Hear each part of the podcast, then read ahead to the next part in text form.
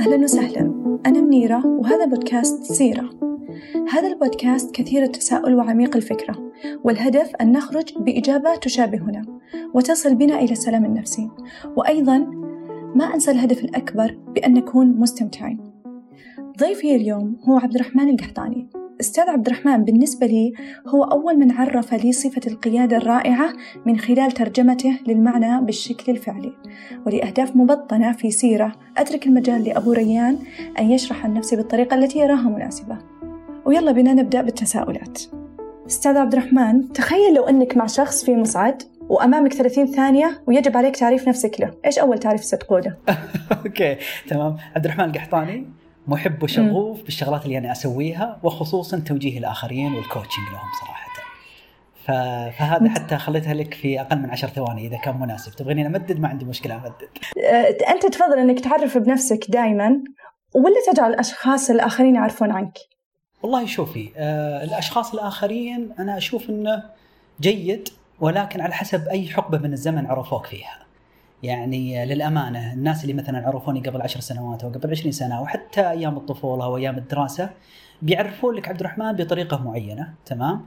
آه، أنا أجدد هالصورة هذه وأغيرها صح إنه في عندي ثوابت ما تتغير تمام؟ ولكن آه، أكيد إنه في شغلات كثيرة الناس القريبين منك واللي يشتغلون معاك مؤخرا أو فهموك أو عاشروك مؤخرا أتوقع أنها بتصير مختلفة تماما طريقة تعريفك لنفسك.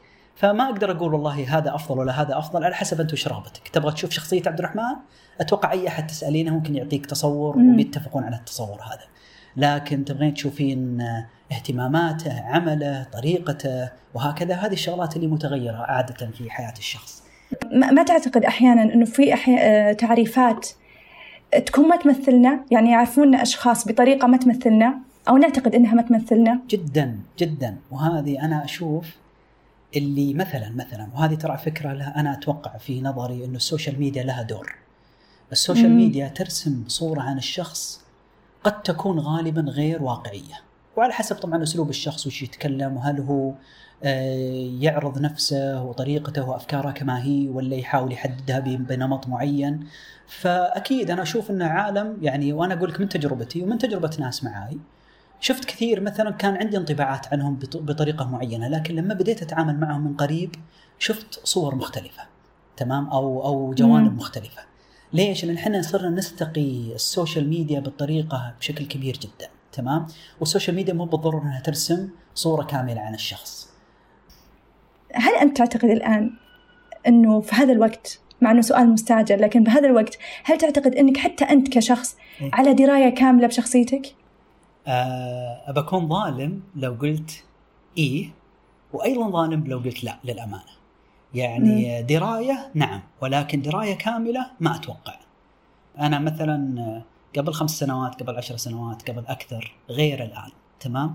وكل مرة أكتشف جوانب في نفسي في طريقتي في أسلوب تفكيري بعض مبادئي تتغير. تمام؟ مم. وهكذا.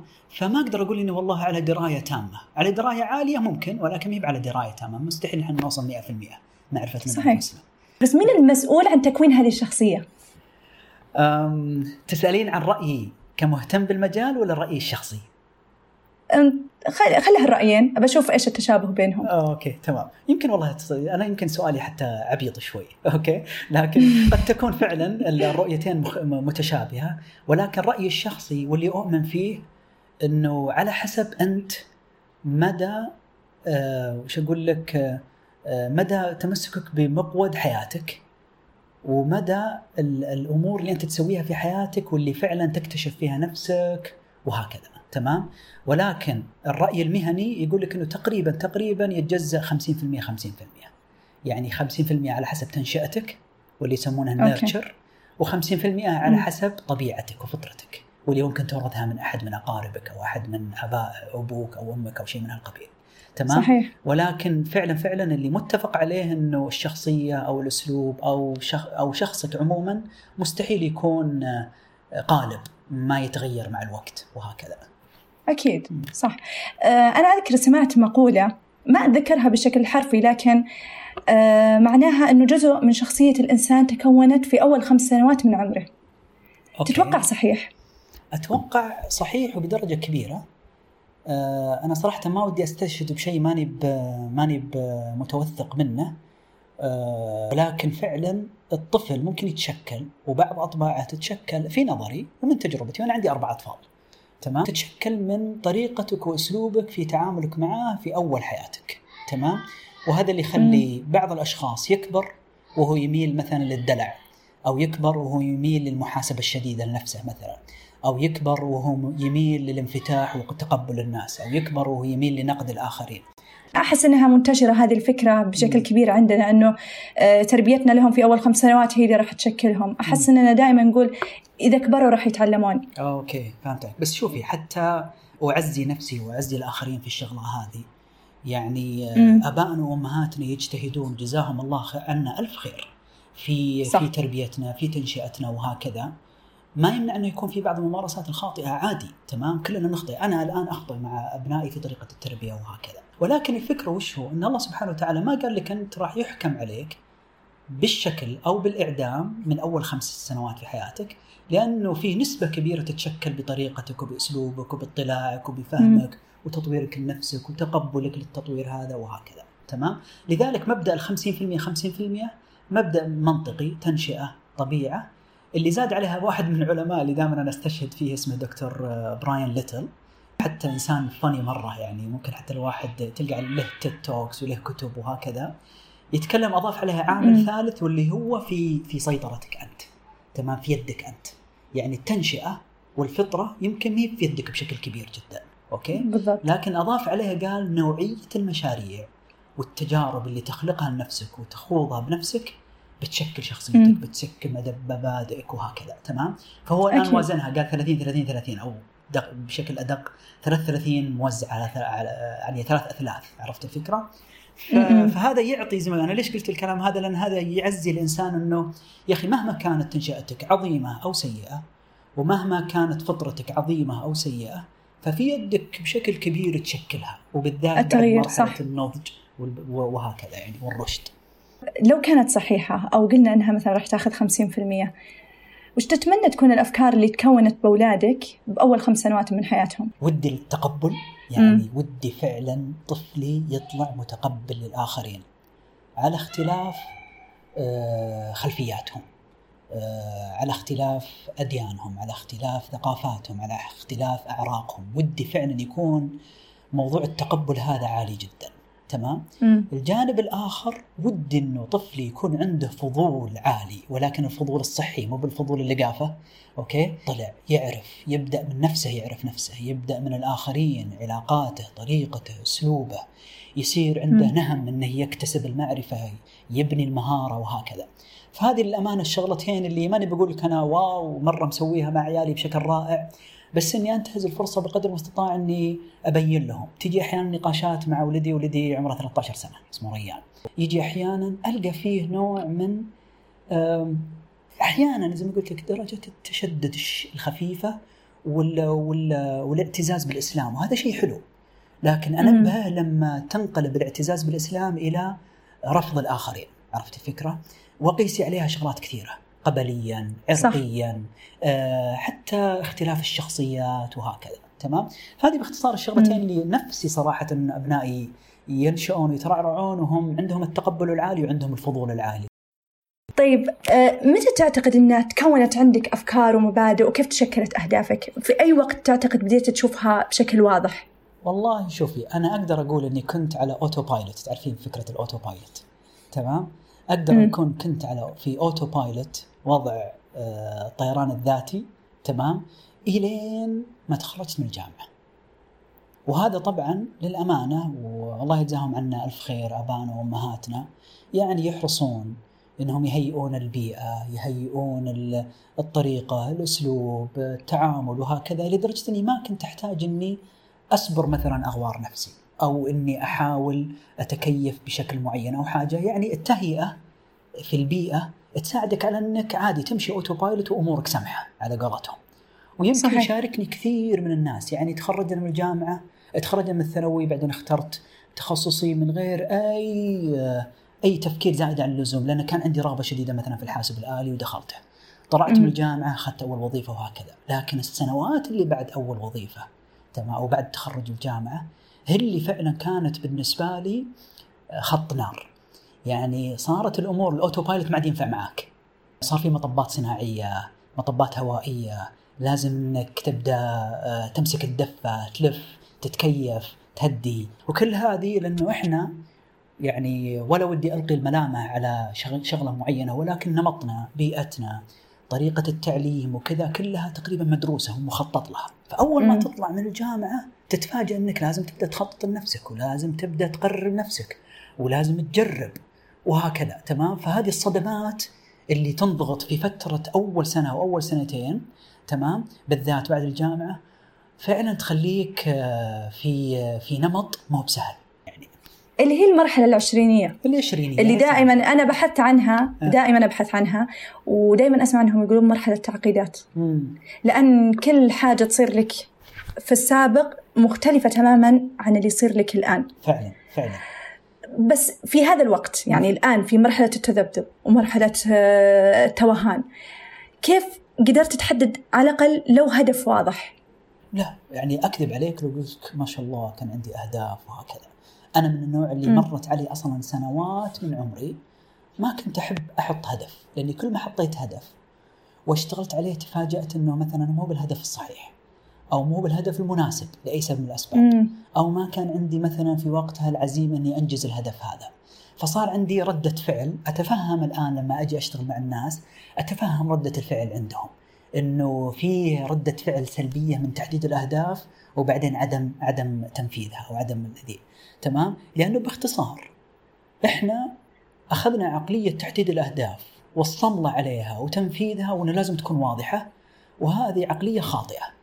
العقلية الحقيقية واللي أحاول بقدر المستطاع أني أنميها سواء مع أطفالي ولا مع الناس اللي أعرفهم ولا مع الناس اللي أوجههم تمام؟ يا أخي خل عندك عقلية التجربة تمام؟ اللي يسمونها الإكسبيرمنتال. يعني حط لك ملامح حط لك خطوط عريضة ولكن جرب. خل عندك عقلية التجربة والاستفادة والفيدباك المرئيات بعدين ترجع وهكذا تمام؟ لأنه مستحيل وهذه يوافقني عليها كثير من الناس اللي سبقونا علما وخبرة في في في مجالات كثيرة. إنه كان يقول لك الخمس سنوات الأولى حقتك خلها زخم تجارب بالدرجة الأولى واكتساب مهارات تمام؟ وبعدين. تبدأ تطلع لك تظهر لك على السطح شغلات أهدافك اهتماماتك ميولك قيمك وهكذا. ولكن ما هو معناته إنه خطأ إنه يكون عندك هدف واضح من البداية. في ناس بعضهم يرزق بوضوح الهدف من أول مقتبل حياته وهذا مو. بخطأ ولكن نسبتهم قليلة صعب إن إحنا نعمم ونخلي هذا هو المرجع لنا وهكذا. صح.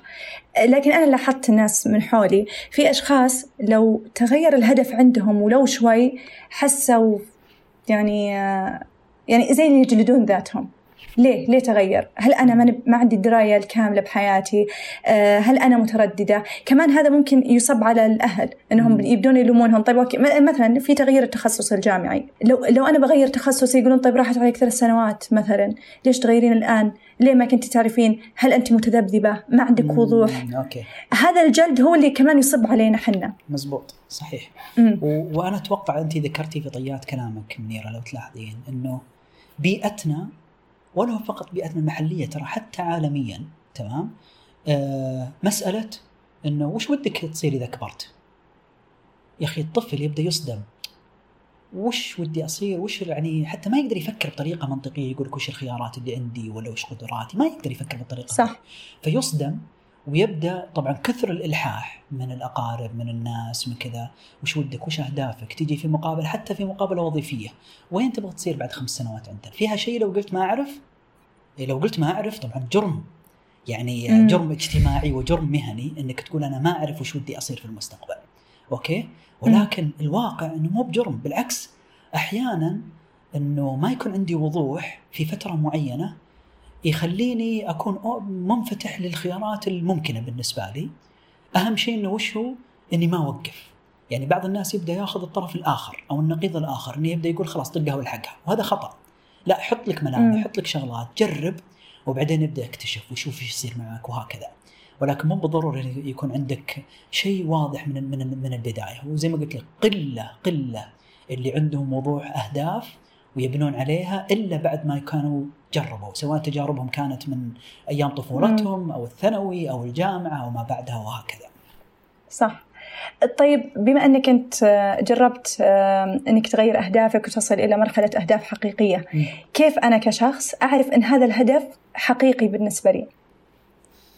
آه، أوكي سؤال صعب آه، إلى مم. درجة يا منيرة لو تقولي لي أنا مثلا هدفي الآن موضوع التوجيه المهني وكيف إني فعلا أخلق فارق مع الناس اللي أوجههم مهنيا ومع الناس اللي حولي وحتى على المستوى سوق العمل على موضوع التوجيه المهني تمام مم. ولكن لو تقولي لي أنت واثق منه بقول لك آه 70% أو 50% عرفت الفكرة؟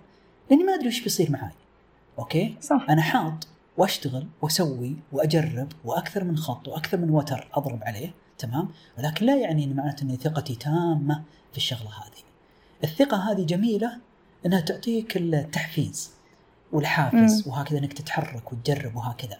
لكن عيبها إنها لما تصير ثقة عمياء في الهدف حقك ممكن تغيب عنك مؤشرات قد تعطيك إنه ترى مو بهذا المجال الصح أو مو هو الفرصة الصحيحة أو مو بالوقت الصحيح. وأنا بعطيك مثال على شغلات يمكن أنا أعذروني كمستمعين وأنت كمنيرة يمكن في مجال تقني ولكن بعطيك إنه أحيانا التوقيت مهم جدا. يعني في 2003 و2004 كنا نتكلم في التقنيات أشياء قبل وقتها اللي الآن تعرف بالخدمات السحابية. okay؟ يعني الآن مثلا تبغى تسوي آه، بودكاست وتنشرها تستخدم خدمة سحابية زي SoundCloud صح ولا SoundCloud صح. تمام؟ مم. تبغى تسوي آه، خدمة معينة ولا ولا تنظيم طلبات ولا أي شيء له علاقة بالموارد البشرية أو أي شيء من هالقبيل تمام؟ بتروح ال cloud service شيء صار شيء طبيعي لأن التقنية صارت ناضجة وصار وقتها انها تعطيك الخدمات هذه مثلا. إحنا كنت ومع فرق مو أنا لوحدي ومع فرق وناس عظيمين تعلمت معاهم وتعلمت منهم تمام؟ كنا نشتغل في 2003 و2004 و2005 على حاجات زي كذا ما كان يقبلها السوق وكان توقيتنا غلط ولا كانت التقنيات ناضجة إحنا ندفها ونسوق لها ونطلعها عرفت الفكرة؟ فكان عندنا صعوبات جدا كبيرة. هل نصير زي البلدوزر ونكمل بزيادة؟ لا أنت صاقع في جدار أصلا. فغلط إنك تصير مصر على هدفك وأنت عارف إنه يمكن التوقيت خطأ. أو مدى النضج صح. عند الناس أو البيئة أو التقنية ما هو الوقت المناسب وهكذا. فأحيانا تراجعك على قولتهم الكر اللي بعده فر أو استراحة المحارب قد تكون م. أحسن استراتيجية في مواقف معينة في حياتنا مهنيا أو شخصيا حتى. عرفت الفكرة؟ ممتاز. طب أنا ممكن أضرب مثال عليك شخصيا وأعذرني. آه في إنه مثلا يمكن لو يعني أنا لو أفكر فيها ممكن أحس اني إني أنا قاعدة أغير هدفي. فهل هذا صحيح أو لا؟ أنت طبعا آه، خريج آي تي ما شاء الله صح؟ صحيح. في البكالوريوس. مزبوط. لكن يوم جيت تكمل ماجستير ما اخترت تكمل ماجستير في نفس تخصصك؟ صحيح. اخترت في مجال إدارة الأعمال. مزبوط. هل تعتقد إن هذا تغيير هدف أو إنك اكتشفت نفسك خلال فترة العمل أو حسيت إنك ما قريب لل IT حسيت إنك قريب لقسم آخر؟ okay تمام. هو شوف ابعطيك حتى بس أكون واضح. وحتى ما أرسم صورة مثالية عن عبد الرحمن تمام؟ بعطيك تجربتي في 2000 تقريبا وسبعة okay؟ وتجربتي لأن كان عندي محاولة إني أدرس ماجستير تقريبا في 2007 2008 تمام؟ لكنها ما مشت okay؟ وأيضا مم. كان عندي التجربة الأخيرة اللي كانت في 2012 وبعدين خلصتها في 2015 وكانت بالنسبة لي تجربة ناجحة. الفرق بينهم إني كنت مستعجل وأبغى أدرس ماجستير لأنه الناس كلهم يقولون أدرس ماجستير. ولكن للأسف okay. ما كان سبب مقنع بالنسبة لي إني أستثمر وقت وجهد وبالتالي حتى عملية التقديم ما كملتها ما قدرت. تمام؟ لأن ما كان عندي سبب مقنع إني أدرس ماجستير ولا لا. طيب ماجستير إدارة أعمال ولا ماجستير آخر؟ كل هذه بالنسبة لي كانت غايبة. لذلك أنا هذه في 2012 2000 لا هذه اللي الأولى اللي هي 2006 الأولى 2000 تمام؟ أوكي. وأحمد ربي إنها فعلا أخفقت فيها وما كملت لأنه ما كان الوقت المناسب وقتها إني فعلا أخوض التجربة هذه لأني ما كنت متأكد منها.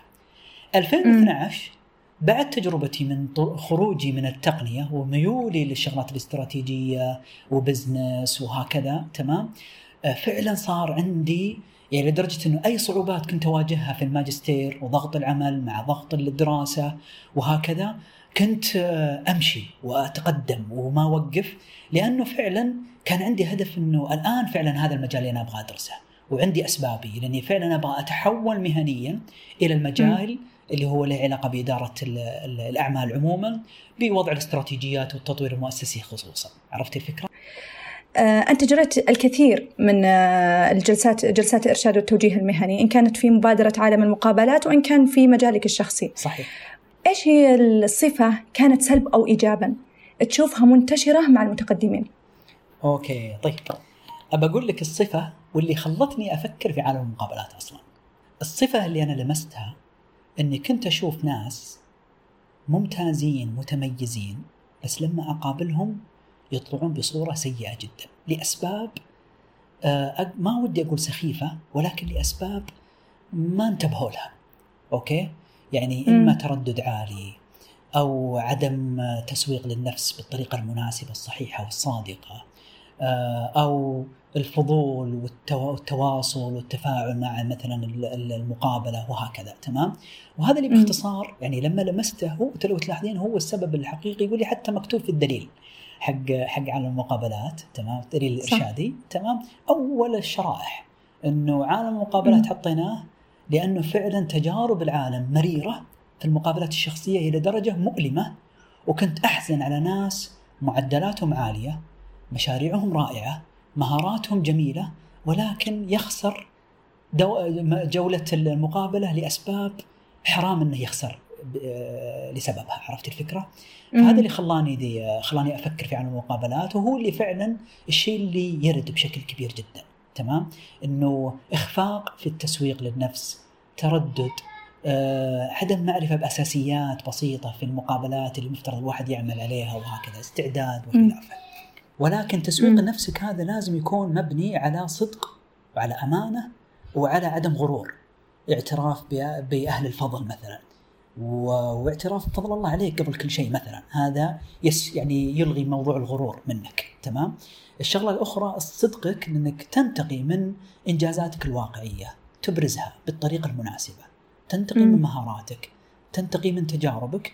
اللي فعلا تحكيها كأنك تحكي قصة عن نفسك. بأسلوب سلس صح. بأسلوب بسيط من غير مبالغات من غير غرور من غير أي شيء من القبيل. صدقيني منيرة لما الواحد فعلا يعني يحرص على الناحيتين هذه واللي زي ما قلت لك تكشف من ممارسين في المقابلات الشخصية بسيط جدا أعرف من هو اللي جالس يضحك علي ومن هو اللي جالس يكذب ومن هو اللي جالس يغتر بنفسه.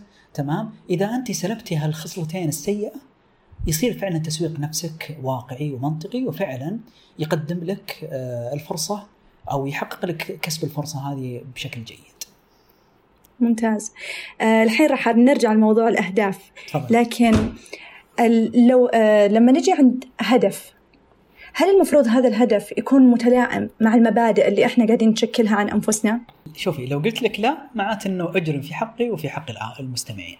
تمام؟ م. لأنه لو كان هدفك على خلاف مبدأك سواء مبدأك مبدأك أو قيمك أو أي شيء يهمك في حياتك وهكذا معناته إنك بتلقى صعوبة. أول شيء أول شيء أنت بتفشل في تحقيق الهدف هذا لأنك بتلقى إنه في صعوبة إنك أصلا تحفز نفسك لتحقيق الهدف هذا. أوكي؟ م. والشيء الآخر بتصير طريقتك آه، في تنفيذ الهدف هذا زي الروبوت. okay؟ تحس انه في شيء غلط. ما ما هو ماشي معاك لأنه فعلا صاير عكس عكس آه، آه، طريقة أهدافك وأسلوبك وتفكيرك وهكذا. لذلك مهم جدا وهذا اللي أسويه أنا مع مع البعض في موضوع تحديد الأهداف إني آه لما بس مجرد check بسيط لو أسألك الآن منيره عن هدف ما حققتيه في السابق غالبا غالبا إنه أكبر هدف يكون إنه عكس قيمك أو عكس عكس دوافعك أو عكس شغفك بشكل أو بآخر. تمام؟ لذلك ما كنت تلقين الطاقة انك تشتغلين على الهدف هذا. فهذا غالبا أحد الأسباب إنه إحنا نخفق في أهدافنا أو ما نقدر ما نلقى الطاقة إن إحنا ننفذها وهكذا. تمام؟ بس تتوقع المبادئ تشكلنا ولا نشكلها؟ آه لا كذا ولا كذا. يعني أو بالأصح اثنينهم. تمام؟ مم. يعني بعض المبادئ آه زي ما قلت لك تيجي من التنشئة تيجي من التربية تيجي من التجارب وتيجي من الفطرة أحيانا. تمام؟ وبالتالي أكيد لها أثر.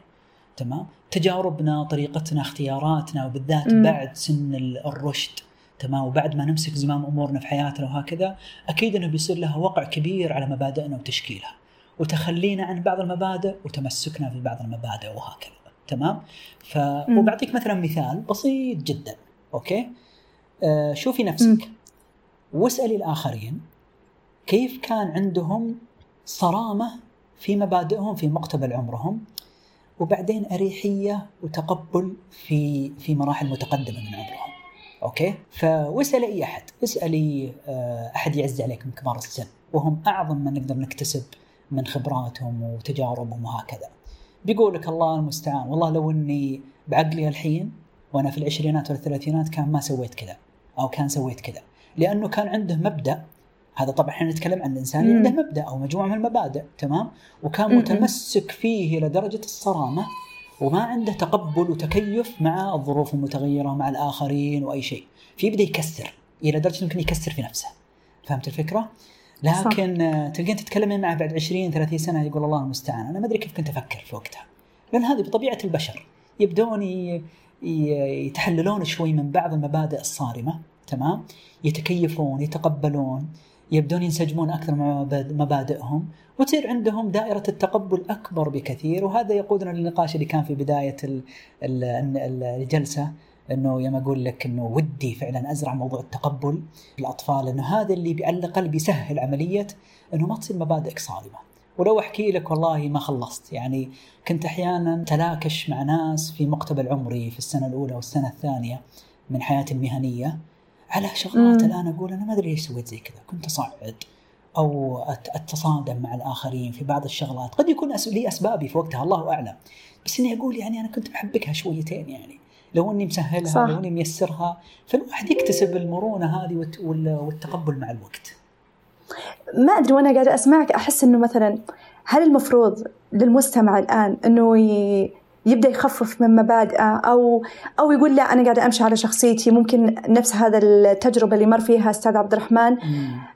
أمر فيها وأنا بعدين بكرة تتكون شخصيتي على الطريقة اللي يعني أعتقد هذا خصوصا هذه الأمور زي الأهداف والمبادئ هل ممكن صدق لما نسمعها من أشخاص يكون عندنا عمق بالتفكير ولا لا؟ المفروض إنه كل شخص قاعد يجرب يمشي. أيوة. ممكن إني أوصل لمرحلة بعد 40 سنة أقول إيه أنا سويتها غلط بس لو ما سويتها يمكن ما تعلمت. okay فهمت عليك حلو. طيب شوفي خلينا نفرق بين شغلتين okay؟ امم في بعض المبادئ واللي غالبا نستقيها من كوننا مسلمين هذه ما تحتمل هذه خط أحمر أوكي؟ يعني في بعض المبادئ في حياتنا زي مثلا النزاهة الصدق وغيرها من من بعض المبادئ في حياتنا تمام؟ لابد إن إحنا نحافظ عليها مهما كان وهذه مشتركة. والمفترض مفترض إنها تكون على ما قالوا عالمية. أوكي ما هي خاصة بذي ولكن الحمد لله إنه ديننا الإسلامي أعطانا إياها على طبق من ذهب وأسسها لنا إلى درجة حتى في عباداتنا وطريقتنا وأسلوبنا وتعاملنا وهكذا تمام؟ فهذه هذه خلينا نقول نخلص منها لأنه من الخطأ إني أبدأ أرجع وأضرب في أساسي وجوهري إلى درجة أنه أستغفر الله العظيم ممكن الواحد يبدأ يضرب في مبادئ أساسية في حياته كمسلم إلى درجه ينقلب إلى كفر. فهذه خلينا يعني نشيلها من الموضوع أنه في أساسات في جواهر ثمينة في حياتنا تمام ما يختلف عليها اثنين تمام وهذه اللي مفترض إن إحنا نحاول نحافظ عليها ونبنيها ونعززها مهما كان. أوكي؟ مم. الآن في مساحات حرة محيط بالمساحات الحرة ما لها علاقة ب مبدأ إسلامي من عدمه أو مبدأ مجتمعي من عدمه أو شيء من هالقبيل. أوكي؟ وهنا يجي دور ان الواحد يعني استقي خبرات الآخرين لكن لا تستنسخها. أكبر صح. غلط إنك تبدأ تقول أنا بستنسخ فلان من الناس. إحنا عندنا مثلا موضوع النموذج الذي يحتذى به. تمام؟ شيء مقدس. وطبيعي جدا الواحد في عشريناته وثلاثيناته يكون عنده نماذج يحتذي فيهم. يراهم مثل أعلى.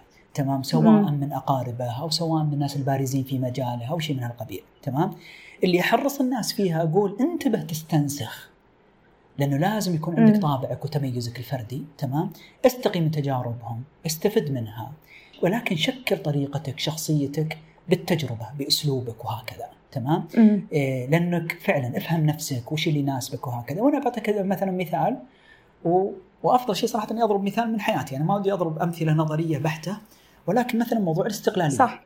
أنا عندي مم. مبدأ الاستقلالية مبدأ مهم جدا. استقلالية فكرية استقلالية آه، في طريقة تنفيذي لاعمالي آه، في وظيفتي أو عملي الحياة المهنية آه، في اختياراتي المهنية وهكذا. مبدأ مم. أنا بالنسبة لي عظيم جدا ومهم وتكون مع الزمن. لو تسأليني قبل خمس عشر سنوات يمكن ما كان موجود المبدأ هذا تمام؟ ولكن تشكل لدرجة أنه صار يشكل قراراتي. وهذا اللي خلاني لي سبع سنوات تقريبا مؤسس المكتب حقي وأشتغل بشكل مستقل مع بعض التعاون وال وال والعلاقات وال وال والشراكات مع الناس اللي أنا أحتاج إني أتعاون معهم وأشتغل معهم وهكذا. ولكن فعلا أحب إني أختار أجندتي أختار أهدافي أختار طريقة العمل المشاريع اللي بشتغل فيها أسلوبي وقتي يعني بداية يومي بنهاية يومي في يدي مو في يد الآخرين عرفت الفكرة هذه بالنسبة لي. أنا ما يجي واحد يقول أنا بستنسخ نفس الهدف هذا ممكن ما يناسبك أنت ممكن ما يناسب أحد صح. آخر. فالواحد يستفيد ويعرف ويصير عنده مرشحات فلاتر. يقول هذا يناسبني. ولا ما يناسبني؟ طيب ليش بسويه طيب ليش بستقي تجربة عبد الرحمن أو برفضها؟ يصير الواحد عنده التفكير الناقد وهذا اللي يكمل آه الميزتين السابقة. يصير عندك فعلا أسلوب وتميز فردي واختيارات ليست شبيهة بالآخرين. قد تتوافق مع بعض صفات الآخرين وأساليبهم وطرقهم وبالذات الناس الأمثلة اللي تحتذي فيهم في, في حياتك وهكذا. تمام؟ آه، طيب إحنا دائما نقول تجارب. كيف تكون هذه التجربة؟ آه، مفيدة ومطورة؟ في تجارب كثير نخوضها ما تكون فيها تطوير لنا. إيش هي التجارب اللي أنت تنصح فيها أي شخص إنه يدخلها ويخوضها عشان يكتسب فيها عمق؟ والله ما أخفيك منيرة يعني ما في جواب واضح لها. ولكن إذا بغيت والله أجاوب بطريقة صحيحة أقدر أقول لك التنوع. يعني كل ما كان تنوع. في تجاربك وفي قنواتها كل ما كان عندك زخم ومعنى لتجاربك. وأنا بعطيك مثال. بعض الناس مثلا آه، عنده زخم تجارب لكن في مجال محدود وضيق جدا. مثلا في مجال تخصصه. أوكي؟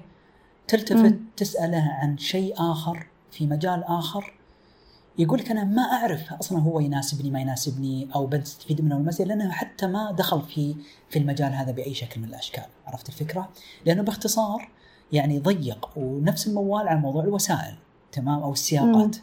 يعني تجاربي في حياتي الشخصية تعززها تجاربي في حياتي المهنية قد تعززها تجاربي في حياتي مثلا ال- الخيرية التطوعية وخلافه وخلافه. فكل ما كان في عندك تنوع عالي كل ما كان في عندك ثراء في تجاربك وتعزيز البعضها البعض وياما شفت ناس ما اكتسب مهارات أو بنى خبرات إلا بمثلا تطوعه مع مبادرة معينة أو اختياره لمشروع خاص خارج نطاق عمله مثلا أو حتى مبادرته في جهة عمله أو في في بيئة عمله إنه يشارك في مبادرة داخلية ولكنها في مجال وبنمط مختلف وهكذا.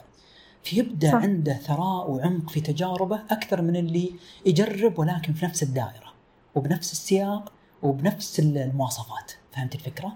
طيب تتوقع أستاذ عبد الرحمن المفروض على كل شخص منا بهذا العالم إنه يحدث أثر أم شوفي يحدث أثر إي مم. ولكن أي نوع من الأثر لأن هنا فعلا المصيدة آه لأن لو قلت الكل لازم يحدث أثر على مستوى عالمي حكمت على نفسي وعلى الآخرين بالفشل من البداية. لأنه مو بالكل عندهم الفرصة على إحداث الأثر عالميا. أنا أتكلم على مستوى الكرة الأرضية okay؟ أو على مستوى العالم. لأن هذا الأثر أول ما يجي في بالك الأثر يجي في بالك الشغلات اللي على مستوى عالمي ووقعها وأثرها عظيم جدا okay؟ فلو مم. كان هذا السياق أو لو كان هذا النطاق بقول لك صعب. يمكن نسبة قليلة من اللي يوفقون في حياتهم تمام نسبة قليلة قليلة. واللي يجدون الفرصة والموارد والخبرات والقدرات اللي تمكنهم من يحدثون المست... الأثر على مستوى عالمي. فهمت الفكرة؟ ولو مم. كلنا تمسكنا بالشغلة هذه يمكن حكمنا على أنفسنا بسقف عالي من الطموحات. اصطدمنا بالواقع اصطدمنا بالظروف اصطدمنا بالموارد اصطدمنا بوقتنا ما قدرنا نسوي أي شيء فبدأنا نحبط في أنفسنا وهكذا. في نظري يا منيرة لو أعدنا تعريف الأثر وسياقه إنه قد يكون أثر بسيط جدا يبدأ بنفسك مثلا. إنك أحدثت أثر إيجابي على نفسك أو على الناس اللي حولك. ربيت أطفالك بطريقة حلوة أو تعاملك مع الآخرين أو حتى في الشارع بس امطت الأذى أو طبطبت على إنسان أو يعني أخذنا تعريف الأثر بشكل واسع جدا. هنا فعلا تحمسنا نحن نحدث أثر إيجابي وقدرنا نحدثه وقدرنا نرتقي بالمستوى مع الوقت. فكل ما حققت نجاحات على مستوى ضيق كل ما قدرت أحقق نجاحات. ولا هو بالضرورة إني أوسع النطاق ولكن لو بغيت وصار عندي طموح أبدأ أرفعه. تمام؟ لأنه سقف سقف التوقعات أحيانا يصير متعارض جدا مع سقف الطموحات. عرفت الفكرة؟ فيبدأ الواحد يتضارب ويبدأ يصير عنده طموحات عالية وخطأ وضع على نفسه توقعات عالية لكن ما قدر. أوكي؟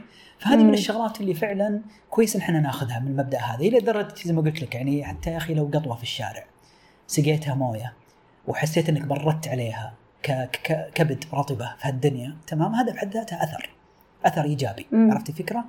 ما حد لمسه ولا حد شافه ولا حد درى عنه إلا ربك تمام؟ فهذا بحد ذاته أثر. أقول احدثت اثر. أنا أقدر أطلع من الدنيا وأقول نعم إني حاولت واجتهدت وأحدثت اثر أوكي؟ دائرة الأثر كم؟ صحيح. والله يعتمد وش دائرة الأثر مو بكلنا لازم يكون دائرة الأثر حقتنا عالمية آه، تغير خريطة العالم وهكذا لا صح ممتاز يعني هو المفروض آه، نفهم إيش الأثر اللي هو المف... آه، اللي هو المفروض يكون رسالتنا فعلا طيب أنا الحين لما أجي أعطي صفه لكل شخص فأول ما يطري في بالي بالنسبة للأستاذ عبد الرحمن هو طريقتك بالتنظيم المبهرة أوكي مشكورة يعني أعتقد إنك قاعدة تنظم حتى في كل مهمة من مهام حياتك حتى ولو كانت صغيرة. وهذه اللي لاحظتها فيك وفي من خلال تعاملي معك في المبادرة ومن خلال رؤيتي لك في تغريداتك بتويتر. طيب هذا التنظيم اللي الآن أنت ملتزم فيه التزام كبير وش أضاف لك؟ وكيف اكتشفت أهميته؟ طيب شوفي آه، أهم شيء في الشغلة هذه أنا طبعا بقول لك إنه قد يكون طبع في شخصيتي. الميول للتنظيم والترتيب وإنه أحتاج إنه يكون عندي كل شيء متوقع وهكذا ولا اني بقول لك إنه والله أنا حتى حياتي الشخصية مخططة بالتفصيل لا مو مو بهالدرجه تمام عندي بعض العفوية وطقها والحقها في بعض جوانب حياتي عرفت الفكرة؟ طبيعي جدا الواحد يطعم حياته بشوي مرونة وعفوية تمام؟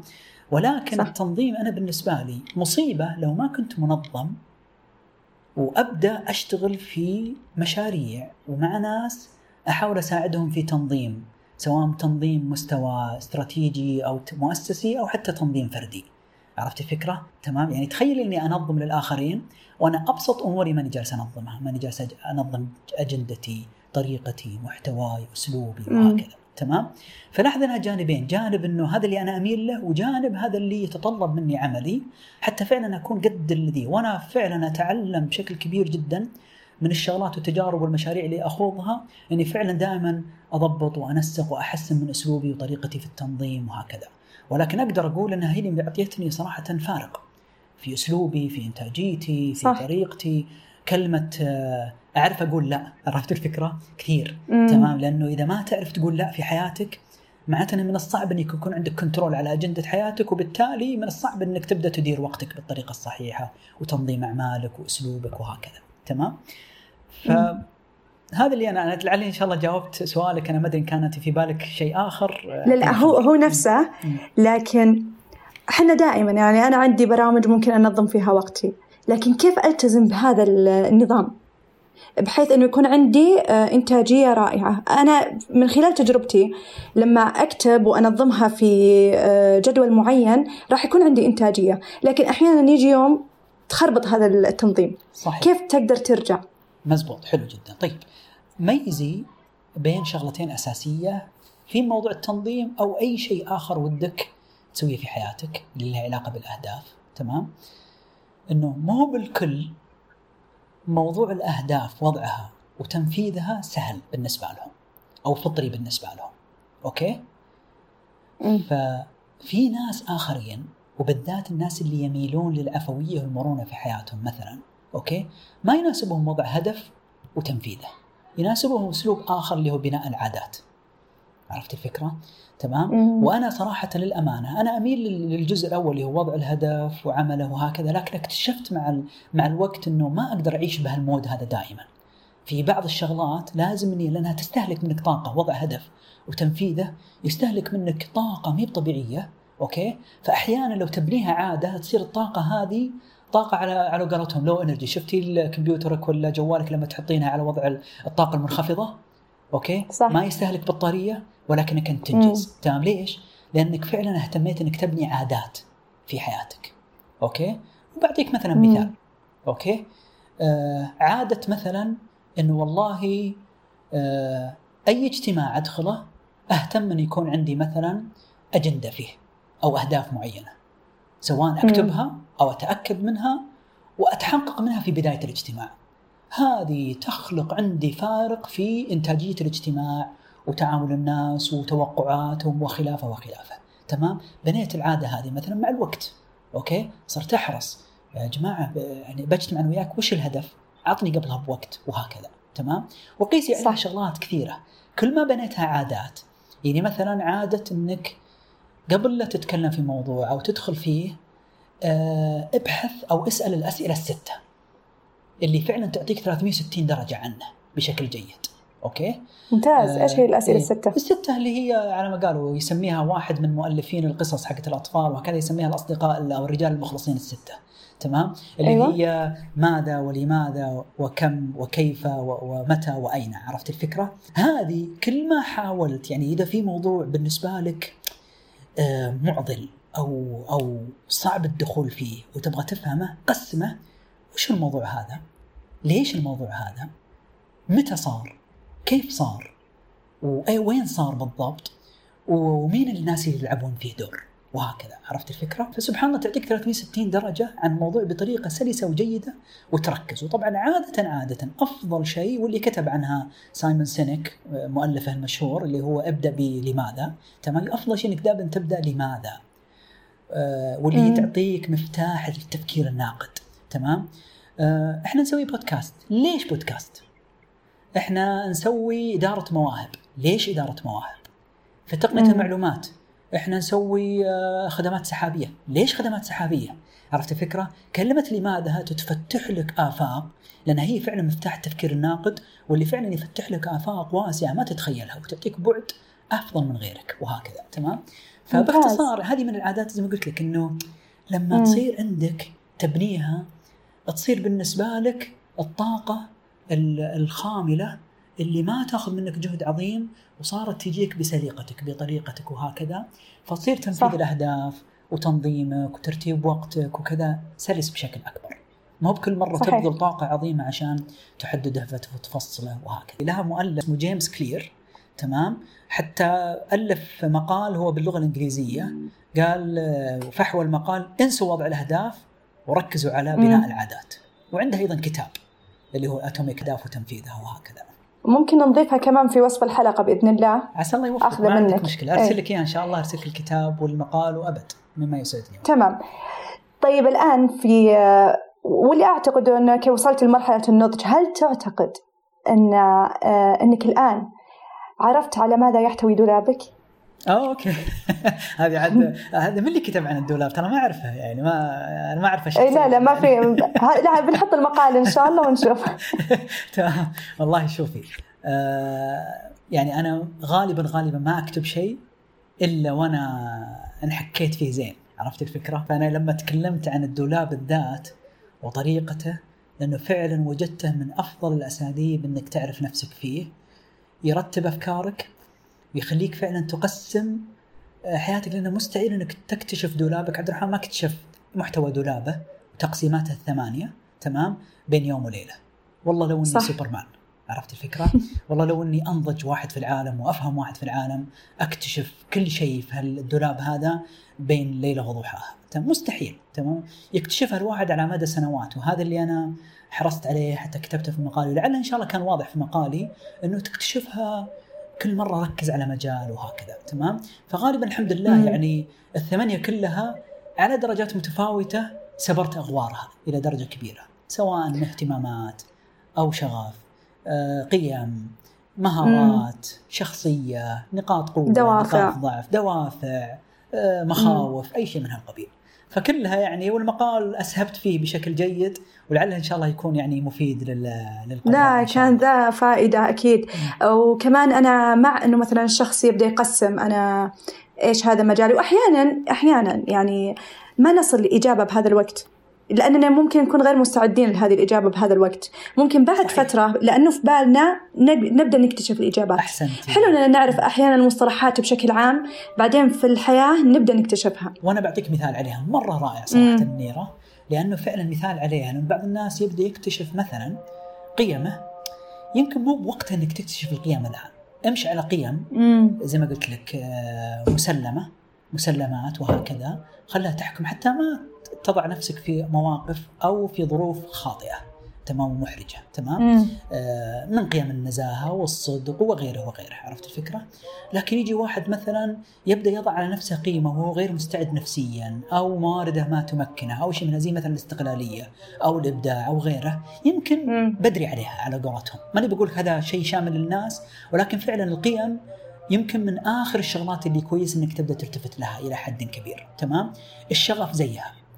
الاهتمامات عكس ذلك. أنا ممكن أكتشف اهتماماتي وشخصيتي في مقتبل عمري لأن فيها ثوابت إلى حد ما تمام؟ ولكن الشغف مم. يبنى مع الوقت يكتشف مع الوقت.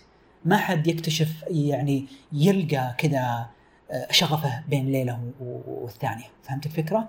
صح. فكويس إن الواحد لذلك أنا اقترحت إنه بالإضافة للفهم متى تقدم ومتى تؤخر في الدولاب وتقسيماته؟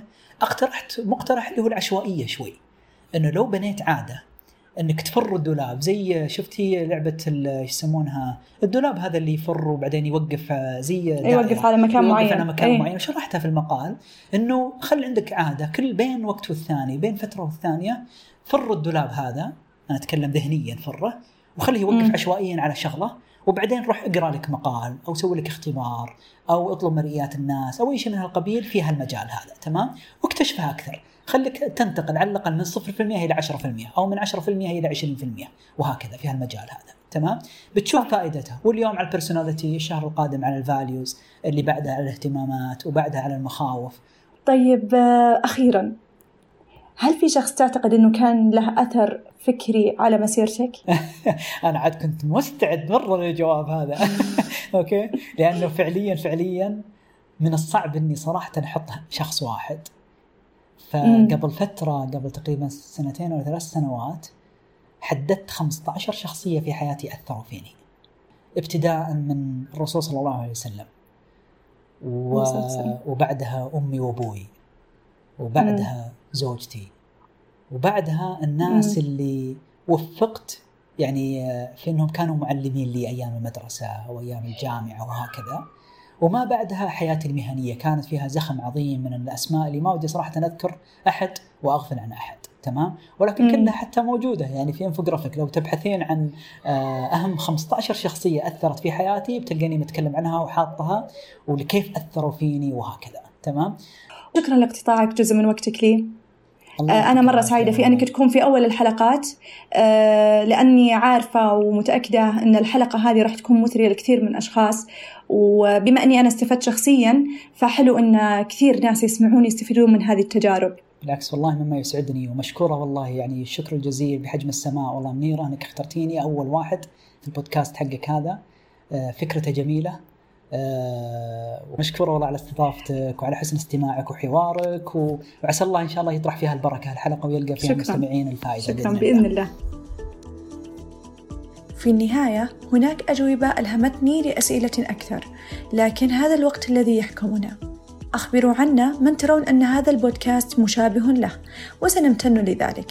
وأيضا في حال طرأ لكم أشخاص في مختلف المجالات وتتمنون أن نقابلهم فنتمنى مشاركتنا أسماءهم في الإيميل الموضوع في وصف الحلقة. يوم جيد للجميع.